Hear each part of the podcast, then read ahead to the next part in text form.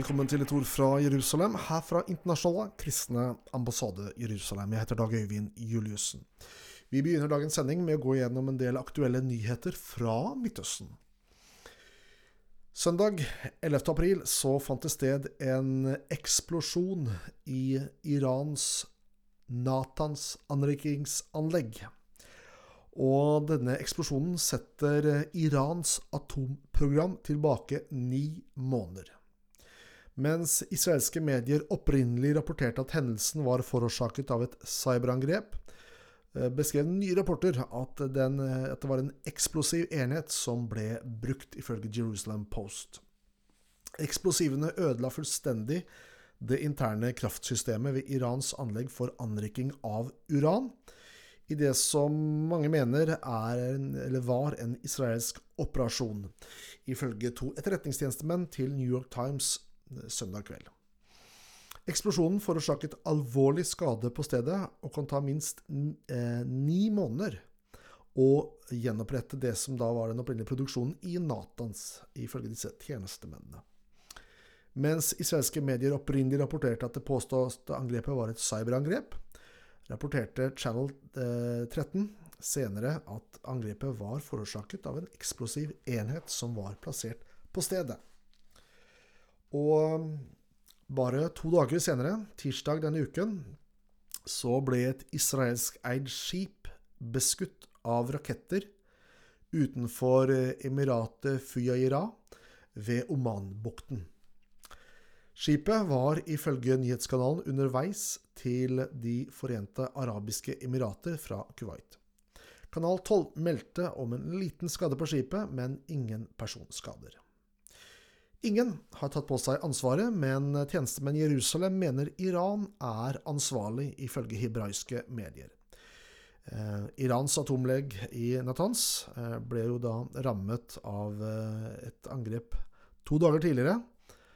Eh, og det er mulig at denne, disse hendelsene har en eh, sammenheng. Irans utenriksminister Mohammed Javad Zarif sa tirsdag at hvis Iran konkluderer med at den jødiske staten sto bak Natans-anslaget, vil Israel få sitt svar og se hvilken dum ting de har gjort.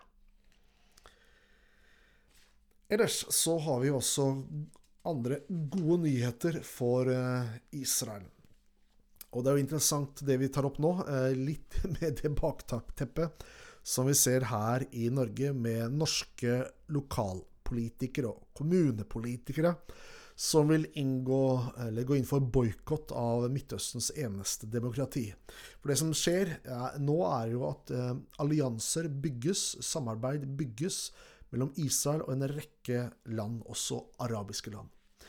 Israel, Hellas og Kypros samarbeider omkring byggingen av en oljerørledning og en strømkabel i Middelhavet. De rekordlange forbindelseslinjene knytter interesser i Midtøsten og Europa sammen. Til eh, det tyrkiske regimets eh, skal vi si, fortvilelse eller provokasjon. 8. mars signerte energiministrene i Israel, Hellas og Kypros en avtale for bygging, bygging av verdens lengste og dypeste undersjøiske strømkabel. Kabelen på 1500 km vil knytte strømnettet i de tre landene til hverandre. I tillegg til å koble Israel og Kypros til strømnettet på det europeiske kontinentet. Byggingen forventes å være ferdig i 2024, og i drift innen utgangen av det påfølgende året. Prosjektet innebærer at Israel kan importere strøm fra, Europa i nødsituasjoner. Det er vanskelig å overdrive avtalens politiske og strategiske betydning. Israel, Hellas og Kypros har hatt et blomstrende samarbeid omkring sikkerhet og energi siden 2017.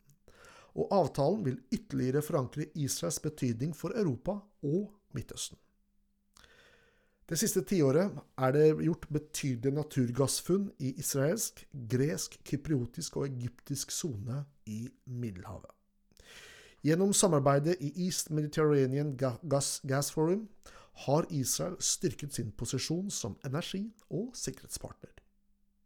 Den planlagte gassrørledningen EastMed Pipeline vil også bli den lengste undersjøiske rørledningen i verden. Ved rørledningen kan Israel eksportere naturgass til det europeiske markedet som knytter Kypros til EUs naturgassnettverk. Samarbeidet omkring energi- og sikkerhetsspørsmål i det østlige Middelhavet trekker inn et bredere spekter av utenforstående stater, og det har, dette har akselerert ved inngåelsen av Abraham-avtalene i 2020 mellom Israel og de flere arabiske stater. USA, Frankrike og Saudi-Arabia knytter også bånd til den økende betydningsfulle strategiske samarbeidet. Nettverket utvides og styrker samarbeidet knyttet til felles interesser innenfor energi og sikkerhet. Nye allianser og partnerskap truer Tyrkias interesser i regionen, som også av andre årsaker har valgt en negativ og fiendtlig linje mot Israel. Tyrkia ser nå at utviklingen av samarbeidet mellom Israel, Hellas og Kypros utfordrer deres posisjon og innflytelse. Landet hevder EastMed-rørledningen vil bygges innenfor landets økonomiske sone, og krever på det grunnlag at Tyrkia blir involvert i planleggingen. Det er likevel bred enighet om at tyrkerne ikke har noe juridisk grunnlag for sine påstander, men tyrkerne står på sitt. Det faktum at Kypros, som er det eneste medlemslandet i EU som ikke er tilknyttet Europas energinett, vil kunne være fullt integrert i 2025, innebærer et betydelig problem for Tyrkia. Tyrkia har okkupert deler av øya siden 1970-tallet, da det ble etablert et tyrkisk militarisert koloni på Nord-Kypros. Under dekke av å kjempe for sin marionettstats rettigheter anstrenger Tyrkia seg for å sabotere det samarbeidet Kypros nå er en del av. Nylig aktualiserte Tyrkias president Recep Tayyip Erdogan spørsmålet om en tostatsløsning på Kypros, mens det internasjonale samfunnet for øvrig er opptatt av å legge til rette for gjenforeningssamtaler. Erdogan tok også til orde for en, et uautorisert valg av tyrkisk støttet president i, på Nord-Kypros. Det hersker ingen tvil om at Erdogan vil fortsette å skyve den indre konflikten på Kypros foran seg for å undergrave samarbeidet mellom Hellas, Kypros og Israel og som stadig, stadig flere land knytter seg til og blir en del av. Det tyrkiske regimets fiendtlighet isolerer Tyrkia fra samarbeid landet ellers ville være en naturlig del av, både med Europa og Midtøsten. Israel vinner terreng som en strategisk og økonomisk partner som binder sammen Midtøsten og Europa. Disse nyhetene er hentet fra websiden ikai.no. Nå skal vi høre på musikk.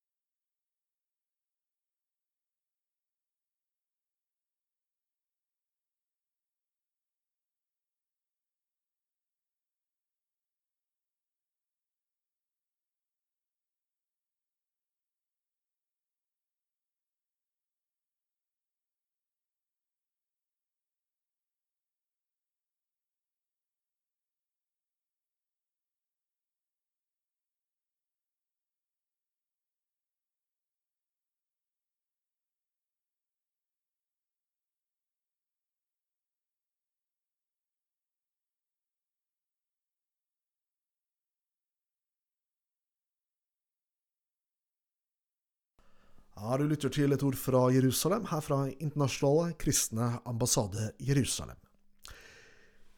Gjennom 40 år så har vår organisasjon arbeidet for brobygging mellom den globale kristne kirke og Israel og det jødiske folk, basert på profeten Jesaja kapittel 40 vers 1, hvor det står 'Trøst, ja, trøst mitt folk'.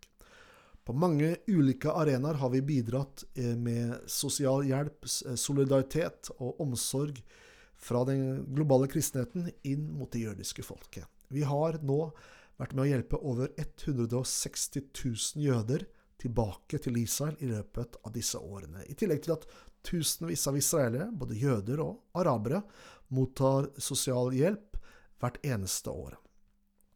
I tillegg til disse tingene så er vi også eh, evolvert med å undervise den globale kirke om hva Bibelen sier om Israel og det jødiske folk. Og Utover det så har vi her i Norge en webside som daglig oppdateres med nyheter og kommentarer. Du kan laste ned en app på din smarttelefon, og det heter Ikai-app. Du finner den på Apple Store og, og på eh, og Google Play. Og gjennom den appen, når du registrerer deg der, så kan du få daglige nyheter inn på din telefon i denne appen. Og ikke bare så får du daglige nyheter, du får tilgang på eh, podkast, på videobibliotek og en rekke ressurser som vi har tilgjengeliggjort for deg som tar i bruk dette. Og dette er altså helt gratis. Da har vi kommet til veis ende i vårt program Et ord fra Jerusalem, fra Internasjonale kristne ambassade Jerusalem. Og jeg, Dag Øyvind Juliussen, takker for følget, og ønsker deg alt godt og Guds velsignelse.